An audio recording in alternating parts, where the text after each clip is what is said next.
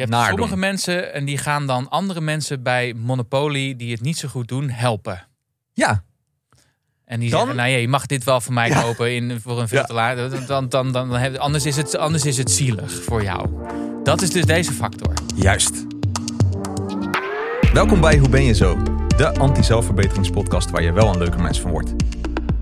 Wij zijn Lennart en Thijs, allebei psycholoog, dikke vrienden en allebei gefascineerd door persoonlijkheidsverschillen. In Hoe ben je zo geloven we dat je jezelf niet hoeft te verbeteren, maar dat je jezelf wel beter kunt begrijpen. Dat maakt je leven een stuk leuker en makkelijker. In deze aflevering hebben we het over oprechtheid en bescheidenheid. Want waarom is de een een engel en is de ander een backstabber? En we gaan het dus vandaag hebben over de hexaco. De Hexaco. Ten, ten, ten. Wat een term. Nou ja, Ja. oprechtheid en bescheidenheid eigenlijk daar meer over. Ja. Ja. Vertellen jullie zo over? Heel erg benieuwd. Ja. Ja, Jij hebt leuke dingen meegemaakt, Thijs. ik heb dingen meegemaakt, Len. Niet. Mina. Ehm, ik had een, een, een, column geschreven over belangst Ja. bij jongeren. Belangst. Belangst. Ja, eh, en die was eh, gedeeld op, eh, nou ja, op, op, de site van het AD, waar ik, waar ik voor schrijf. Ehm, en ik was verderop in die week, ehm, ik heb een, een, een, een vice, of een, hoe noem je dat, een guilty pleasure. En dat is het weblog Geen Stijl. Dus die zit ik vaak te bekijken. Want ik denk dat het ook goed is om de vijand te belezen. Ehm, eh, en omdat ze ook gewoon best wel hele grappige en leuke stukken eh, schrijven. Ja. Dus ik was zo een beetje zo, om- vlak voor het slapen gaan, om half twaalf, een beetje zo die weblog aan het, eh, aan het lezen. Tot mijn grote schrik zie ik daar opeens een titel staan in een van die, van die blogs met mijn naam erin. Uh-oh. Ik denk, dit kan niet waar zijn, ik droom al. Maar nee, het was inderdaad, ze hadden het stuk over belangst bij jongeren opgepikt. En daar vonden ze natuurlijk van alles van. Ja. Want ehm, nou ja, eh, ze, ze, nee, ze vonden het woord awkward niet kunnen. ja je was heel veel awkward had je gebruikt. Awkward had ik gebruikt als een soort, nou ja, ik vond het op zich best wel leuk gevonden. Ehm, en eh, ze vonden het heel eh, ernstig dat er geen bronvermeldingen bij stonden. Alsof er in een column met voetnoten moet gaan werken of Ja. zo. Ja. Ehm, en ze, gebruik, ze vonden mij maar, en dat vond ik eigenlijk wel een hele mooie, een natte krant psycholoog. Dus nou, Echt die, eh, dus- dus, eh, als, eh, ja, precies. Dus als geen stijl je basht, dan, dan, nou ja, dan is dat toch een beetje een badge of honor Ja, natuurlijk. precies. Dus dat. En ik, ik kijk dus niet. Ik heb niet heel veel mediaconsumptie. Ik kijk maar een paar dingen. Eentje daarvan is dus geen stijl om te kijken wat, wat rechts vindt Ja. van de wereld. Ehm, en een andere is het, het programma van Arjen Lubach, die ik voor mijn vermaak kijk. Dus ik, mijn hart maakte een tweede sprongetje toen ik zag dat ook Arjen Lubach zich met het onderwerp was gaan bemoeien. Met mijn column als Nice. hetgene was, wat een aanleiding was om, om een sketch over belangst bij jongeren te gaan doen. Oude Dus ik had BN'er. Ik had een energieke week waar, waarbij ik zowel door links als door rechts werd eh gebashed. Very nice, man. Ja, Ja. Nee, dan hoor je er echt bij. En dat, dan hoor je er zeker bij. Ja. Ja. Nou, ik heb iets totaal tegenover, nou, tegenovergestelde niet per se, maar wel iets anders. Eh, Mijn zoontje die weer was lekker aan het eh, projectiel braken over de trap heen. eh. Oh, dat was lekker, joh. Dat Nat. moet je even uitleggen. Ja, nou, ik, Mensen kunnen dat niet helemaal voorstellen, dus je moet even een soort beeldend Ja, oké. Nou, hoe dat ging. Ik had lekker gegeten die avond met een goede vriend. Ik ging naar best wel een fancy restaurant. Heel veel lekkere dingen op. Fantastisch. Ik naar huis en ik kom thuis en eh, mijn vrouw zegt: eh hey, ga nog even naar je zoontje, want die was net beneden. En die voelde zich niet super tof en hij mist papa. Ach, dus ik naar boven de trap op om naar zijn kamertje te gaan. En hij, eh, hij is nog wakker en hij zegt: Papa, ik heb een beetje buikpijn. Ik zeg: Nou, kom maar goed. Moet je anders even naar de wc? Hij zegt: Ja, dat is denk ik wel een goed idee. Dus ik hou hem zo vast en op een gegeven moment zegt hij: Papa, ik denk dat ik moet spugen. Dus ik denk, ik draai hem om en ik hou hem soort van vast als eh, de Lion King, weet je al zo. Oh, die, weet je wel? Zodat hij niet met Met zijn gezicht naar de buitenkant. Juist. Ja, oké. Exactly. En we lopen de trap af. In ieder geval, ik ren basically de trap af en hij midden op de trap kotst hij natuurlijk de hele fucking trap onder. En wij hebben een spakmuur, oftewel zo'n structuurmuur. Daar krijg je het niet af hoor, kan ik je vertellen. Dus ik was wel lekker om 12 uur s'nachts lekker aan het schrobben. Van, net lekker gegeten. En hoe ruikt je trappengat? eh? Gelukkig, viel, het valt mee. Ja, het, het, het, het valt mee. Maar het is een soort karma, want ik schijn dat ook bij mijn ouders een keer te hebben gedaan, waarbij de spaghetti nog op de muur hing. Oh. Dus, en dat heeft al twee weken gestonken, kan ik je nog vertellen. Is, het, is het wel weer overgegaan met zijn buikpijn? Hij is nu weer helemaal, hij is weer good. Dat is dus, fijn. eh, dus dat, ja man. Fijn. Ja, dus. Dus, Dus, maar eh, ja, we moeten nog even eh, reclame doen al Reclame. gelijk tussendoor. Ja. Ja. Want we moeten het even hebben over onderbroeken, meneer, en boxers. We zijn namelijk sinds de podcast een soort influencers. Ja, jij al helemaal met je geen stijl en ding. Maar we zijn een soort influencer geworden. En kregen dus van een sponsor van deze aflevering een paar onderbroeken toegestuurd. En nou, die sponsor heet Bamigo. En eh, Bamigo die maakt dus kleding, onderbroeken en eh, dus ook t-shirts van bamboe. Ik wist niet eens dat je daar dingen van kan maken. Ik dacht dat alleen panda's dat aten. Maar je kan er dus ook eh, onderbroeken en shirts van maken, schijnbaar. En wij kunnen bevestigen dat is behoorlijk zacht. eh, en lekker, comfortabel. Ik draag vaak onderbroek. Ik heb Bamigo nog nooit gedragen, maar nu dus wel. En die dingen die kruipen dus niet omhoog. En dat is vet geniaal. Het is fijn dat jij vaak onderbroeken draagt. Dat is wel heel erg fijn, ja. Boxers dan met name. Maar goed, dus eh, ja, het is wel een fijne, die, die boxer. Nou, en wat helemaal comfortabel is, dat je dan niet alleen een prettige onderbroek aan hebt, maar ook het gevoel bijdraagt dat je iets bijdraagt aan een betere wereld. Bamboe is namelijk eh, duurzamer om te maken dan andere stoffen en gaat ook langer mee. Nou ja, bij normaal gebruik van de onderbroek dan, zullen we maar zeggen. Ja. Eh, mocht je nou zelf zo'n onderbroek willen proberen, dan hebben we een kortingscode voor je. Zoals dat Ehm, gaat, hè, onder precies. influencers. Ja, Ja, nou horen we er echt bij, jongens. Ja. Met de kortingscode BETER20 beter 20 met allemaal hoofdletters van beter en dan Ja. 2-0. Precies. Dus dan kan je naar bamigo.com. En dan kun je met korting een onderbroek eh, bestellen. Is het al echt heel ongemakkelijk geworden dat we over onderbroek Ja, ach, nou ja, zo gaat dat in een podcast. Eh, I guess. Misschien iets anders dan. Einde reclamebericht. Eh, Ja. en dank aan Bamigo dus voor de, voor de sponsoring van deze Ja, aflevering. super tof. Misschien, ja, we gaan het eens hebben over honesty en humility. Ja. Over eerlijkheid, oprechtheid en bescheidenheid. Misschien is het wel leuk, heb, heb jij ooit iets, eh, iets onbescheidens of niet helemaal eerlijks gedaan? Ja, Lennart Thoma. ja, vast en zeker. Ik moest er wel even over nadenken. Maar ja, wat niet soort van he- helemaal ethisch of super netjes is, is... Ik heb verschillende van die aanneemprocessen gedaan. En daar toch best wel een beetje nare trucjes soort van op losgelaten. Aannemen, als je als in jij moet, Mensen moest aannemen. Je, je bent geen aannemer, maar je moest mensen aannemen. Ik moest mensen Ja. aannemen voor een baan. En dan deed ik het ja, best wel wat gewoon niet heel erg leuk is voor die mensen. Dus dan ging ik ze bij elkaar zetten. Alle, we hadden een top drie gemaakt van de, de beste kandidaten. Die zetten we dan bij elkaar. Hmm. En dan moesten ze aan ons gaan vertellen wie van de andere twee ze vonden dat moest worden. Niet zichzelf, maar dan een van die anderen, weet je wel. Was een beetje eh, oeh, op het Ja, randje, zeg maar. machiavellistisch van je. Ja, ik vond het wel erg grappig, moet ik je. Dus je hebt er ook geen spijt van. Mm, Nee, niet echt. Nee, nee. Nou, het was gewoon, eh, weet je wel, zij vonden het uiteindelijk ook wel leuk, maar wel erg ongemakkelijk. Ja, En of het nou ethisch echt is, nou, daar kan je je vraagtekens bij hebben, ja. maar je bent er stiekem een beetje trots op. Ik, Ik zie wel, je ja, ik Ja. vind het heel grappig. Ja. Jij? Ehm, Jij? nou, ik, ik moest denken aan dat ik eh, een tijdje geleden, over een paar jaar geleden, een eh, koptelefoon had besteld bij ehm, nou ja, dat grote internetbedrijf waar je internationaal eh, allemaal spullen kunt kopen, die Ja. ik verder niet ga noemen. Aha. Ehm, eh, dus ik had daar een koptelefoon besteld en die was niet aangekomen. En daar had ik over gebeld. En toen had hij toen, toen van, hé, hey, mijn koptelefoon is niet aangekomen. En zei, oh, we stu- sturen wel, we sturen wel een nieuwe toe, want dat is niet helemaal de bedoeling. Ja. En toen kwam in de tussentijd ook nog die andere aan. En die heb ik voor mezelf gehouden. Oh, Ja, dus dat- twee. Ja, dat Ik mag. vind dat je dat soort eh, kleine sabotageacties tegen het grote kapitaal je best kunt veroorloven. Maar Ja. niet echt oprecht. Ja, ja, ja. Dat is natuurlijk ook hoe ik het aan mezelf kon verkopen. Ah, ja. Ik heb zo'nzelfde een beetje met zo'n kratje bier die ik dan onder de. Die had ik dan eronder geschoven, die had ze niet gezien. En, dan, en ze zei er ook niks over. En toen dacht ik, ja, je hebt het nu. Ik, en ik had al afgerekend. Ik had niet eens door dat ze het niet op de bon had staan. Daar kwam ik pas achter toen ik naar wegliep. Maar toen ben ik niet terug geweest. Ook zo, Ik ben, eh, ik ben ook wel benieuwd, heb jij, want ik hoor dat van iedereen in mijn omgeving. Heb, eh, reken je wel eens dingen niet af bij de supermarkt waar je dan zo'n zelfscanner hebt? Nee, dat, ik, daar ben ik voor mezelf heel streng. Ik reken alles af. Oké.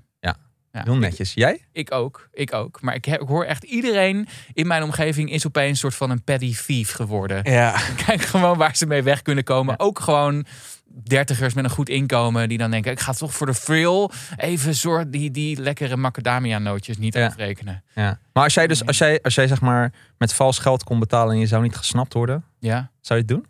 Als je wist dat je niet gesnapt werd? Ja. dat denk ik wel.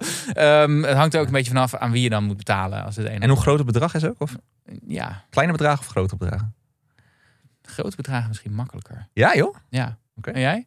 Ik, heb, ja, ik denk dat ik het mogelijk ook zou doen. Hoewel, Als ik jou nu 500 euro zou ik weet niet of het, of het dan strafbaar zijn als we dit gedachte-experiment doen op de podcast, maar dat horen we later wel. gedachte Hier, hier heb je een, een briefje van 500 euro. Niemand gaat erachter komen dat die vals is. Ja. Eh, maar ik kan jou nu vertellen dat die, dat die vals is. Maar doe ermee wat je wil. Dan, wat zou je er dan mee doen? Ik ga me er wel schuldig over voelen. Als ik iets eh, daarmee zou kopen, ja. Ja. Ik, ga, ik, denk, ik weet niet of ik het zou doen. Hmm. Ik ga toch heel erg twijfelen. En als ik het zou doen, dan zou ik, dan zou ik echt wekenlang echt zo om, eh, heel erg om mijn, over mijn schouder heen kijken. Ah, ga ik gesnapt worden of zo. Hm. Nee, ik, nee. Nou, jij? Ik weet het niet. jij? Jij wel, hè? Ik weet het Ja, niet. Hangt er een beetje vanaf. Maar misschien iemand die er niet zelf heel veel last van krijgt. Dus Mm, mm. Mijn, mijn eh, linkse inborst die zegt als het eh, voor, tegen zeg maar, een heel groot bedrijf is, dan, mag, dan kan dat, is dat minder erg dan als het een zelfstandig ondernemer is. Ja, oké. heel erg mee doet. Ah, oké. Jij gaat het ook nog weer eens anders ethisch verantwoorden. Smart. Maar daar gaan we het dus over hebben. Ja, over, de- ja, over honesty en humility. En dat Ja. komt vanuit de hexaco. En dan denk je, wat zeg je nou in hemelsnaam? Ja. Ehm, nou, eh, er waren twee onderzoekers. We gaan een verhaaltje doen. Er waren twee onderzoekers. Kibium Lee en Michael Ashton. En die hebben, eh, net als wat er bij de Big Five van persoonlijkheid gebeurt, ook zo'n factoranalyse gedaan. Dus heel veel vragen aan mensen geven en dan kijken wat clustert qua woorden bij elkaar. En in plaats van dat ze dat in de VS deden, wat, waar de Big Five ook een beetje zijn oorsprong heeft, deden ze dat bij landen met Europese of Aziatische talen. Een beetje daarop. Dus Aziatische landen, Europese landen. En wat er dan opeens komt, is niet dat er vijf factoren uitkomen, maar er komt opeens een zesde factor uit. Dus eh, zes factoren. Ja, want we hebben, even voor de mensen die later zijn, in, die Ja. niet de eerste afleveringen, de eerste paar afleveringen hebben geluisterd. We hebben het vaak over de Big Five gehad.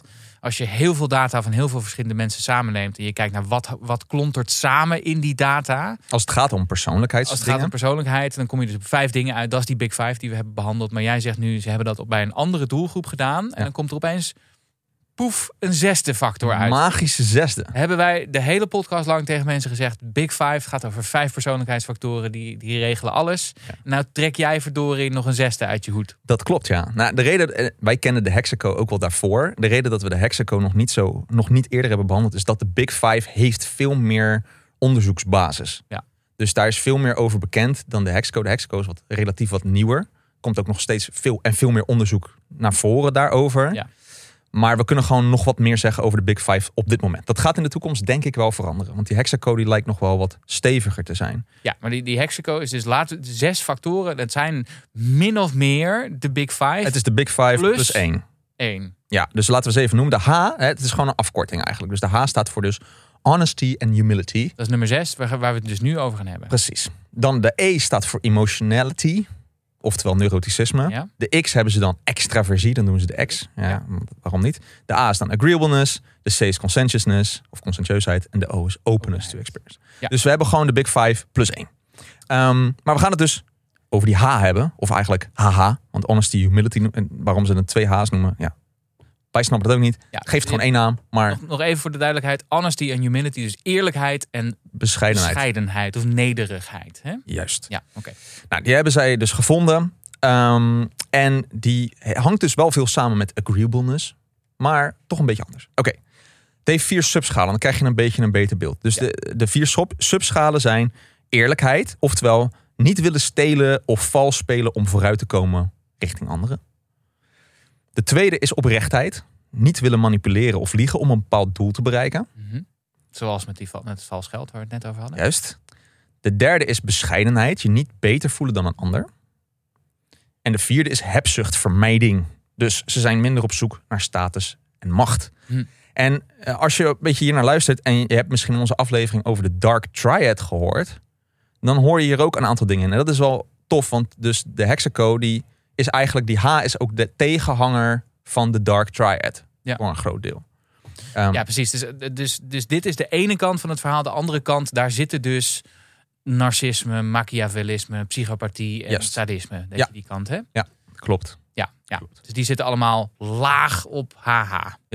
Precies. Goed. Ja. Precies. Dus nou, heb je een beetje het idee. Hè? Dus ehm, je moet het dus zo zien. eh, die H is erg. Dan zijn mensen altruïstisch en pro-sociaal, zoals ze dat dan noemen. Of eh, in andere woorden, als je dus hoog op die eerlijkheid en bescheidenheid scoort, dan wil je dus iemand helpen die zelfs eventueel misschien wel gemakkelijk uit te buiten is. Dus als je zo'n vals geldbiljetje hebt en die ander heeft geen flauw idee, dan is die ander soort van makkelijk uit te buiten. Ja. En dan doe je het niet, want je wil diegene helpen of je wil dat niet Je hebt sommige mensen en die gaan dan andere mensen bij Monopoly die het niet zo goed doen helpen.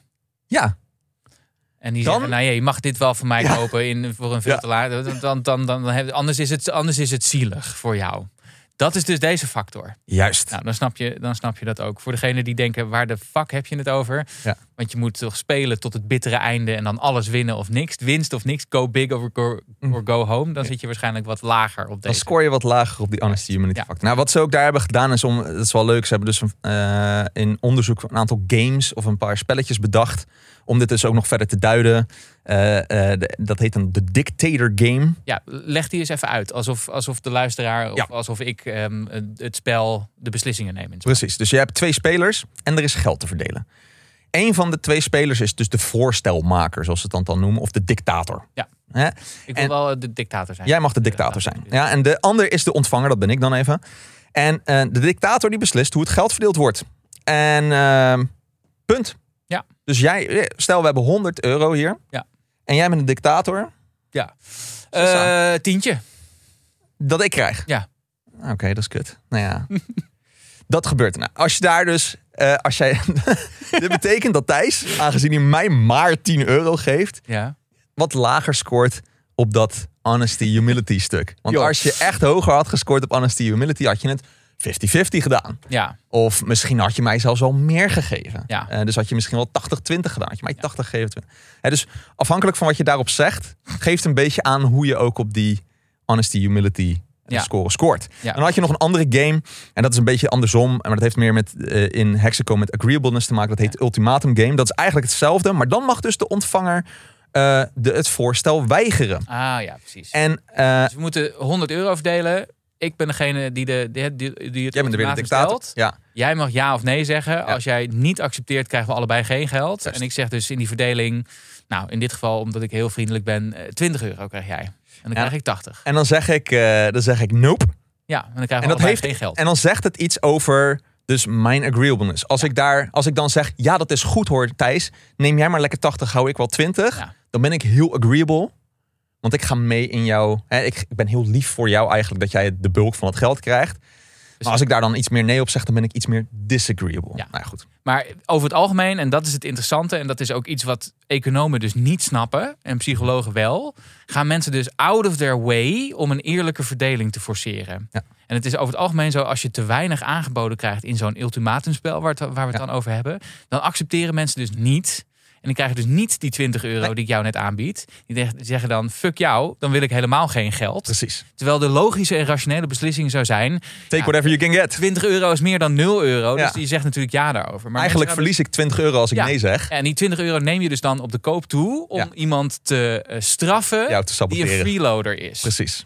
Die oneerlijk is en die de boel saboteert. Dus dat is het interessante. Hè? Dus, de, dus, dus mensen eh, eh, stellen nogal wat in het geweer en gaan ook ter op, voor, ten koste van dingen die ze zelf opofferen. Gaan ze heel ver in het willen straffen van mensen die oneerlijk zijn. Valsspelers. Ja. Dus ik moest bijvoorbeeld denken aan Siewert van Linden. Ja, ja. Ehm, ik- Mondkapjes. ja, precies. Dus dat is die jongen die die, mo- die mondkapjes eh, om, om niet zou hebben verkocht. eh, waar hij toch heel veel geld aan heeft verdiend. Hij werd, het ging eh, maandenlang alleen nog maar over Siewert van Linden. Ja. En als je kijkt naar hoeveel geld die had, de, de overheid had geteeld, is- was dat echt niet zo heel veel. En er zijn veel meer mensen die in de coronacrisis heel veel geld hebben verdiend met schimmige zaken. Mhm. Maar hij werd soort van het boegbeeld van iemand die oneerlijk was. En daarom eh, hij kreeg hij zeg maar de hele woede van het hele land over zich heen, zo ongeveer. Omdat we gewoon, we kunnen niet tegen valspelers. Ja, precies. Ik zat gisteren weer eens de Big Short te kijken. Ook over die Ja, film over die bankiers. Weet je. Nou ja, ook daar zie je alleen maar van die freeloaders of eh, die bankiers die hele oneerlijke dingen Ja, eigenlijk dus doen. freelo- ik heb het woord al een paar keer gezegd, freeloaders. Maar er zijn dus mensen die de boel tillen door meer te nemen dan waar ze recht op hebben. Of eh, niet iets bij te dragen en alleen maar te nemen. Mensen die, die vooral nemen en niks geven eigenlijk. Hè? Ja.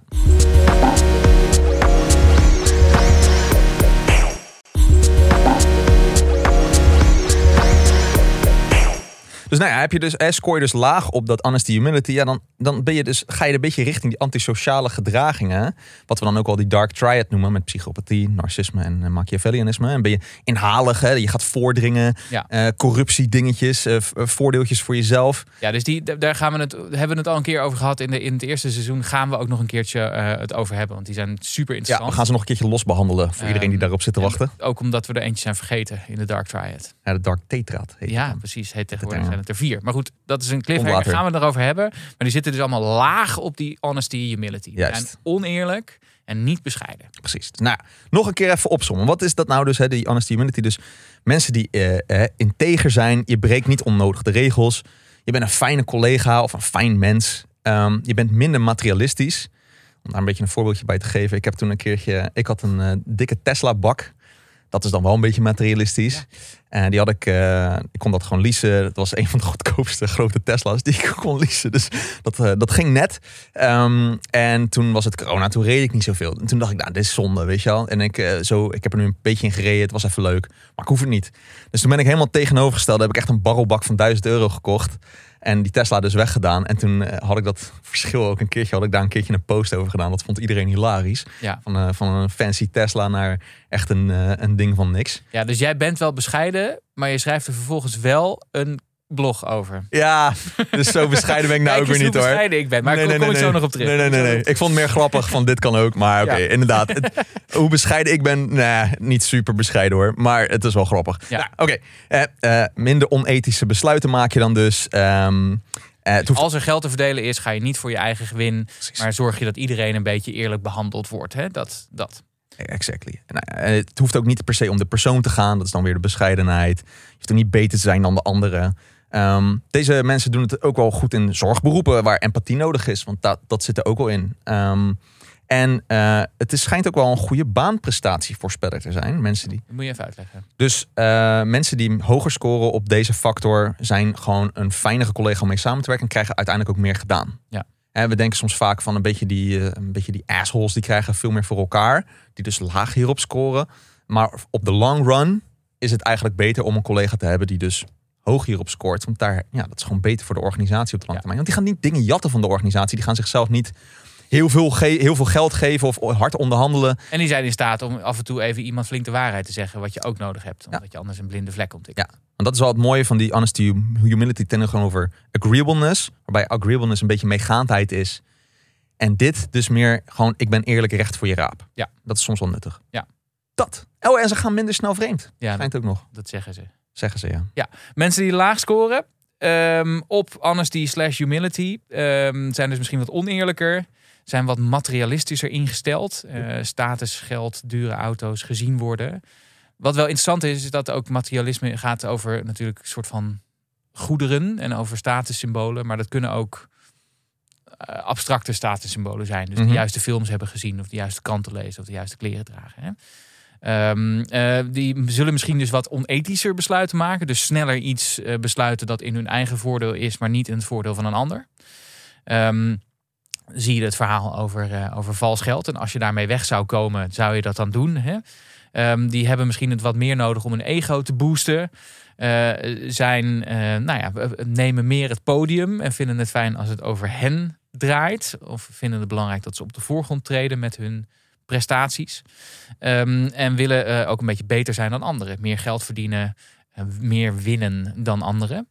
Ehm, en eh, het- staat hier, maar je moet het even uitleggen, denk ik. Mhm. Scoren wat hoger op wat ze noemen de social dominance orientation. Ja, dus dat betekent dat ze het belangrijk vinden dat hun in-group, dus waar ze bij horen, het beter doet dan de out-group.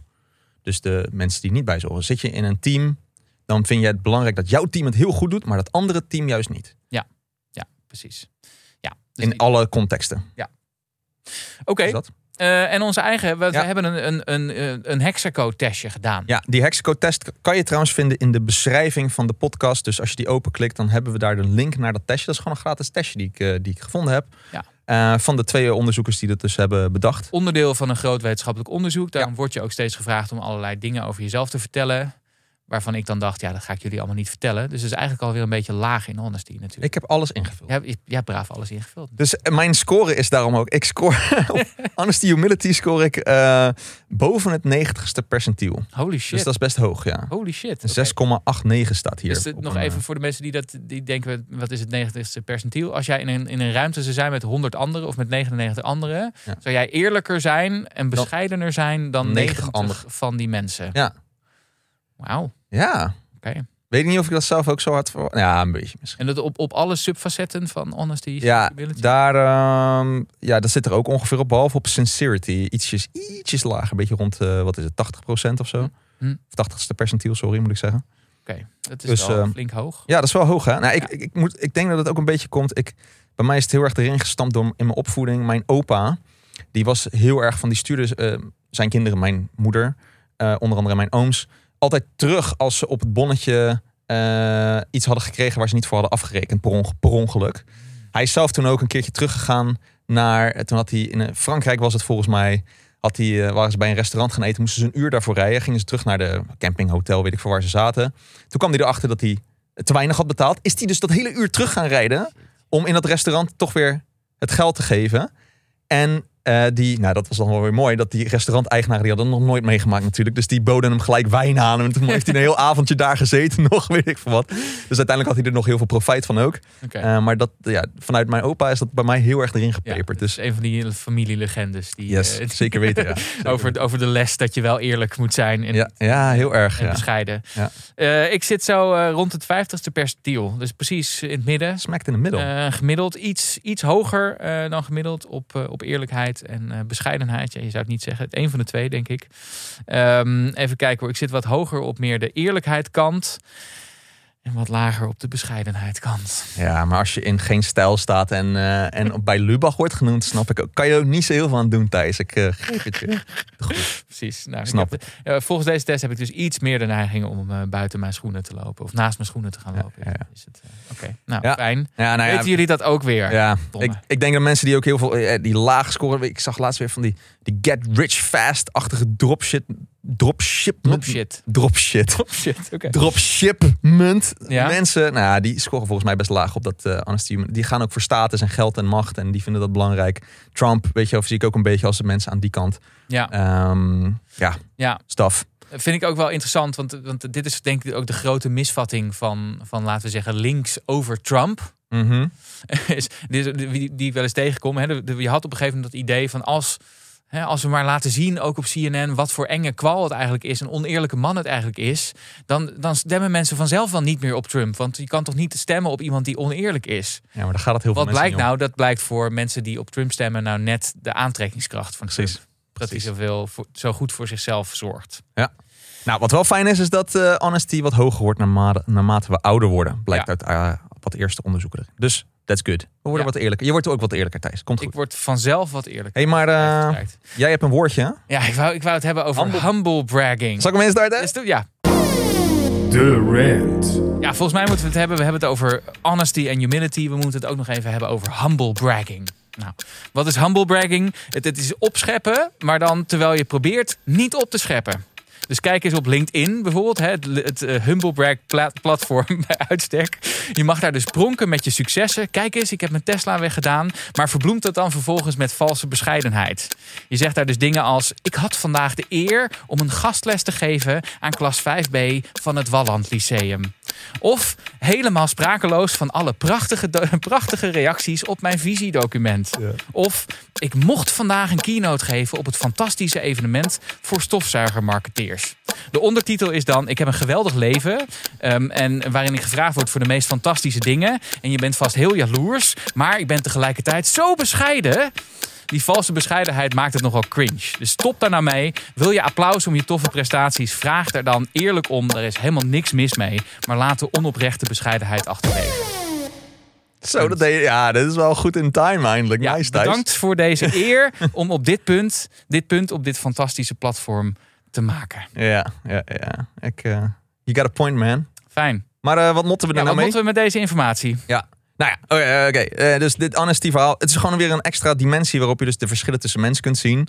Ehm, eh, van helemaal eer, super eerlijke mensen naar, zoals mijn opa misschien, naar ja, mensen die dat, die dat niet Ja. doen. Humble bragging en een beetje Een beetje, leugenachtig een zijn. beetje de vraag natuurlijk of je nou iedereen moet aanraden om dezelfde strategie te hanteren als jouw opa. Moet iedereen Nee. een uur omrijden om, om op een bonnetje terug te komen, wat drie dagen geleden, waar je misschien net iets te, te weinig hebt betaald en ermee weg bent gekomen? Is die mate van eerlijkheid eigenlijk wel gezond? Eigenlijk wat ik Slecht voor het milieu ook.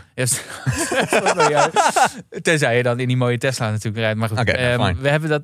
Je zou bijna denken dat die autofabrikant ons sponsort in deze, in deze podcast. Doen we Ja. niet. Ehm, eh, maar eh, dus dat dat is wel een beetje het idee van die stroming die radical honesty heet. Die eigenlijk min of meer zegt: je moet alles wat je denkt denkt, meteen zeggen. En zo eerlijk mogelijk zijn.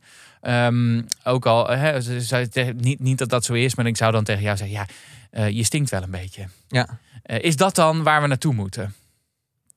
Nou, het kan, ik zou het best wel fijn vinden als je het zou zeggen trouwens. Maar nee. Nou, in dat geval, nee. Nee, nee ja, ja ik, ik vind het lastig hoor. Want ergens, Is een leugentje Vind ik het wel mooi. niet gewoon ook een beetje eh soms wel. Want, kijk, ik doe het. Nou ja, kijk, ik, ik, heb, ik heb kids. eh, daar doe je alleen maar leugentjes om best wil. Weet je wel? eh, een leugentje om best wel is in het begin. Het kan wel leuk zijn en is ook grappig. Dus Moet je tot een bepaalde hoogte. de, de waarheid kan natuurlijk ook iemand pijn doen. Zeker. Dus de vraag is, is het soms niet ethischer om het een beetje te verbloemen of, of te verzwijgen? Nou, dus er zit een soort balans, hè, zeg je ook erin. Hè? Het moet een Ja. beetje ethisch zijn. En eerlijkheid ja, hoort daar een beetje bij. Van wat, wat doe je nou, wat is handig? Ja. Ik kan me dat heel goed voorstellen. Mensen die misschien wat, wat minder lekker in hun vel zitten. Om die dan ook nog eens te gaan zeggen... nou, je ruikt nu ook nog eens niet zo lekker. helpt niet heel erg met hun Ja. gevoel van zekerheid, zeg Nee, nee. En aan de andere kant, hè, dus als je, er zijn ook gewoon mensen, gewoon mensen die heel laag scoren op honesty slash humility. Ja. Dat zijn dus een beetje de freeriders. Je hebt mensen die meer nemen dan dat ze bijdragen. Mhm. En daar is de maatschappij een beetje allergisch voor, want het druist in tegen ons idee van rechtvaardigheid. Ehm, en dat is waarom dus eh, eh, zo'n Siebert van Linden bijvoorbeeld eh, half gelyncht wordt, hè, om wat hij heeft gedaan. Maar die mensen zijn er natuurlijk wel. Er zijn mensen die misbruik maken van je eerlijkheid voor hun eigen geldelijk gewin. Ja. Dat is goed om te weten. En scoor je nou zo laag, eh, scoor je misschien laag op dit ding. eh, en hou je ervan om lekker in dure auto's te rijden of een, eh, zo'n dikke bak te hebben of zo. Ja, ergens is het ook wel prima, weet je wel. Eh, het is alleen dat je er rekening mee moet houden dat andere mensen daar misschien wel wat anders tegenaan kijken. En Ja. je een patser vinden of zo. Ja. Ehm, maar als jij dat eh, denkt, nou ja, weet je, dit vind ik gewoon fijn en prettig. Ja, ook goed, weet je. Ehm, die Precies. En het is, dus, het is ook wel goed om te weten dat we dus ook een behoorlijke radar hebben voor onrechtvaardig gedrag. He, voor, voor, oh, iemand eh, flest de boel en daar boos om worden. En dat kan ook uitgebuit worden. Ja. Bijvoorbeeld door populistische politici. Die zeggen, oh, die, die groep mensen die, eh, die, die pakt je baan af. Bijvoorbeeld, hè? Ehm, dus dat is, dat is wel heel goed eh, om te weten dat daar ook gebruik van gemaakt kan worden.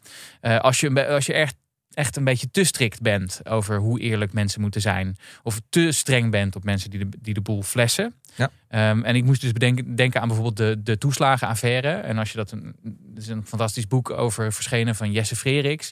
Die heeft het allemaal gereconstrueerd. En die zegt eigenlijk, ja, die toeslagenaffaire was eigenlijk een reactie op dat er een aantal jaar daarvoor eh, een heel verhaal was over een aantal Bulgaren die de boel hadden geflest door hier in Nederland een uitkering aan te vragen, maar eigenlijk in Bulgarije wonen. Ja. Bulgarenfraude. Een hebben mensen tegenreactie. gezegd, we gaan helemaal niks meer accepteren van niemand. En iedereen is per definitie verdacht, want we willen niet meer geflest worden. Ja.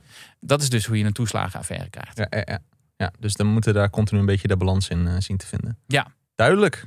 Ja, dus je, misschien kunnen we concluderen, een leugentje om best wil, soms best gezond. Als het maar niet is om je eigen geldelijke gewin, maar om de anderen te sparen misschien. Prachtig gezegd. Ik ben het ermee eens. Goed.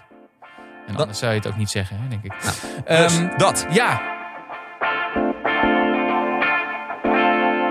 Post. We hebben weer post. nou, we gaan... we Ja, zal ik, ik zal hem... eh, is een lange vraag. Ja, dus ik zal hem proberen eh, samen te vatten. Het is een, een, een vraag van Sharon. ehm, Of Sharon. over- Sha- of Sharon. Ehm, die had naar onze Q&A-aflevering over perfectionisme versus in het moment leven geluisterd. Ja. Ehm, we hadden daarin uitgelegd dat dat te maken heeft met conscientieusheid en neuroticisme. En angst voor afwijzing, dat dan weer onder neuroticisme valt. Ehm, maar Sharon heeft een vraag over hoe het zich weer verhoudt tot onveilige hechting en traumatische ervaringen. En als gevolg daarvan ontstaan van een afgesplitst deel van de ziel in een gezond en een gezond deel. Dus een traumatisch deel en een overlevingsdeel. Mhm, Dus perfectionisme en controle houden kan ook een overlevingsmechanisme zijn, zegt zij. mhm, mhm. Ehm, dus kan het een het gevolg van, een an- van het ander zijn. En wat was er dan eerder? De persoonlijkheid die dat mogelijk maakte, of de, of de ervaring die, dat, die de persoonlijkheid zo heeft beïnvloed dat dat nu zo is? Ja, Dat is een goede goede vraag. vraag. Eh, Sharon, Sharon. Een van de twee. Ehm, ja, ik vind het wel lastig. Wat kan, ik denk dat het per persoon natuurlijk gaat verschillen. Eh, dus de ene zal het... Nee, wat, wat, wat, Wat ik- Sharon of Sharon, zullen we gewoon Sharon zeggen van Ja, wat, precies. wat Sharon heel goed heeft gezien is dat er niet één ding is die je persoonlijkheid eh, bepaalt. Hè, daar hebben we vaker hierover gehad. Het gaat deels over je persoonlijkheid trekken, gaat ook deels over je genen en gaat deels over wat je in je leven meemaakt. Maar er is wel een soort wisselwerking natuurlijk tussen die dingen. Dus als je al een bepaalde neiging hebt om een beetje neurotisch te zijn en je maakt hele erge dingen mee, dan kan dat best die neiging een beetje versterken. Mhm. Dus ik denk dat je het een beetje daarin moet, moet zien. Ehm, misschien nog wel even iets over, over die verschillende. De Sharon of Sharon heeft het over een overlevingsdeel Ja. en een. Hè, dus, dus laten we zeggen, een traumatisch deel en een overlevingsdeel. Ja. Ik denk dat je. Nou, voor mij is het niet heel logisch om na te denken op die manier over je persoonlijkheid als verschillende delen. Dat je een getraumatiseerd deel hebt en een niet getraumatiseerd deel. Want je bent één ding, je bent één mens met één persoonlijkheid. eh, die wel uit verschillende onderdelen bestaat en verschillende facetten bes- bestaat. Maar het is niet zo dat je volgens mij met verschillende delen van jezelf werkt. Mhm. Maar ik weet niet, misschien kijk jij daar anders tegen. Nee, ik ben het wel met je eens. Ik, ja, je zal wel in verschillende situaties, zal je, als je het in delen zou opsplitsen, misschien het ene deel iets meer laten zien dan het andere. Maar in principe is dat nog steeds één geheel van jouw persoonlijkheid, inderdaad. Dus ehm, ja, Wat, een, wat niet eh, eendimensioneel is natuurlijk, hè, je persoonlijkheid. Dat is een complex geheel van verschillende aspecten. Waarbij soms het een en dan weer het ander zeg maar, eh, op de voorgrond staat. Ja. Dus ik denk dat dat een handigere manier is om dat te zien. Dus ook getraumatiseerdheid en neuroticisme. En aan de andere kant perfect. Die, die dingen kunnen allemaal met elkaar te maken hebben. En soms komt dat heel erg op de voorgrond te staan en soms niet. eens. En, en nogmaals, ik denk dat dus afhankelijk van wanneer, eh, wat je persoonlijkheid al is, inderdaad, bij je geboorte vanuit je genen, welke dingen je hebt meegemaakt. Of het nou het ene eerst komt dan het, dan het andere, dat verschilt gewoon per persoon. Ja. Ehm, dus eh, uiteindelijk eindigen we misschien allemaal met een bepaald vorm van perfectionisme. Maar dat zal per persoon verschillen waar dat vandaan komt. Dat. Dat. Ehm, nog even iets om te bespreken. Een puntje op de lijst. Een, eh, een, een, een huishoudelijke mededeling. Ja. Ehm, we zijn een tijdje bezig nu met de podcast. En we vinden het ontzettend leuk om dit te doen. En we willen deze podcast ook gewoon gratis blijven aanbieden aan jou als luisteraars. Dat vinden we belangrijk. En we gaan er dan dus vanuit dat jullie dat ook niet zo erg vinden dat er af en toe een reclameboodschap in deze podcast zit. Want dat maakt het mogelijk dat we die maken. Precies. Maar we hebben wel een klein probleempje als het aankomt op adverteren. Ja, dat probleem is, Eh, ben ik. Ja. ja. Thijs dus. Eh, we krijgen namelijk behoorlijk wat aanvragen voor sponsoring. Eh, maar ik heb nog eens de neiging om een aantal van die sponsors af te wijzen. Omdat ik ze dan weer niet echt vind passen bij de podcast. Ehm, eh, of dat ik het niet eens ben met het product. Of dat ik het evil corporate overlords vind. Nou ja, goed, je ethische stuk zit daar dan wel weer goed in. Eh, fairness en zo. Vrij strak afgesteld ethisch eh, radar, zullen we maar zeggen. Dus, we hebben een verzoekje aan je. Luister je nou graag deze podcast en werk je voor een bedrijf... of ben je eigenaar van een bedrijf... dat je goed bij onze podcast en onze missie vindt passen... Stuur dan een mailtje naar adverteren.dagenacht.nl en wie weet kunnen we dan wel een mooie samenwerking bedenken. Moet je wel een heel leuk en lief bedrijf zijn. Ja. Dat. Heel ethisch, Heel ethisch graag. Ja. Is goed voor Thijs. precies. Dus, Dus, dat. afronden. Ja. Eh, nou, als je dus iets over jezelf hebt geleerd, ik hoop het wel. Eh, laat het ons dan weten via de social media kanalen. Je kunt ons vinden op Instagram onder de naam Hoe Ben Je Zo podcast. En ook op TikTok onder En- dezelfde naam. En op YouTube. En op YouTube hebben hebt een we... YouTube kanaal gemaakt. Dat is waar. Ja, Dat was ik bijna vergeten, man. Maar we Ja. hebben nu een YouTube kanaaltje met eh, Ehm, snippetjes en ja. eh, dingetjes om te kijken. Dan zie je onze gezichten er ook bij. En we hoe... hadden twee, eh, twee volgers. Ja. dus dat kan meer. Jij en ik. Oké, maar er staan dus ook leuke filmpjes. Als je ons heel, eens, eens een keer wil zien, dan kun je daar dus terecht. Vinden we hartstikke leuk. Volg ons. Ja. En onthoud, ja. nee, je hoeft jezelf niet te verbeteren. Een leuker leven begint bij meer begrip en acceptatie van jezelf en anderen. En het idee opgeven dat je anders moet zijn dan je bent. Dat geldt voor moraalridders en voor dure bakrijders. C'est moi. Doei.